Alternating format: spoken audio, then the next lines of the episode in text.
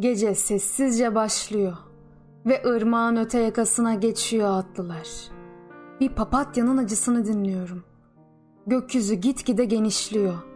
Islak yaprakların derin yeşilliği, ıslak dağların uyandırdığı keder.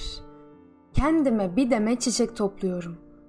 Öğretmenimin iliklediği göğsüm ne kadar genç ve taze ceviz kabuklarının kararttığı parmaklarımda bir ağız mızıkası. Öğrendiğim ilk şarkılar. İlk fotoğrafımdaki yakışıklı saçım.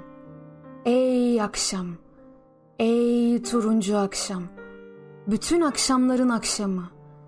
Ey mor akşam, bahçeleri ışıklar içinde kaçıp giden bir tavşan gibi yalnızım.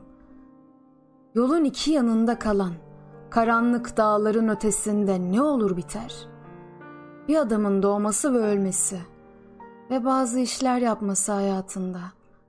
Bazı bağlardan üzüm toplaması, bazı sinemalara gitmesi, bazı kızları sevmesi ve öylesiye yalnızlık çekmesi bazı şehirlerde. Sen şimdi duvarına bir şiirimi asmışsındır. Uyuyorsundur. Belki düşünüyorsundur. Sonuncu kattaki odandan yıldızlara bakarak ve yıldızlar her zaman eski ve tanıdıktır.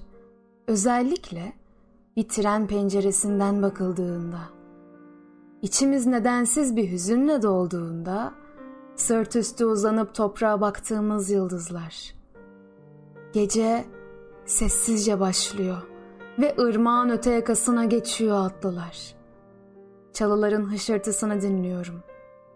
Sana seslenmek için yeni şiirler tasarlıyorum.''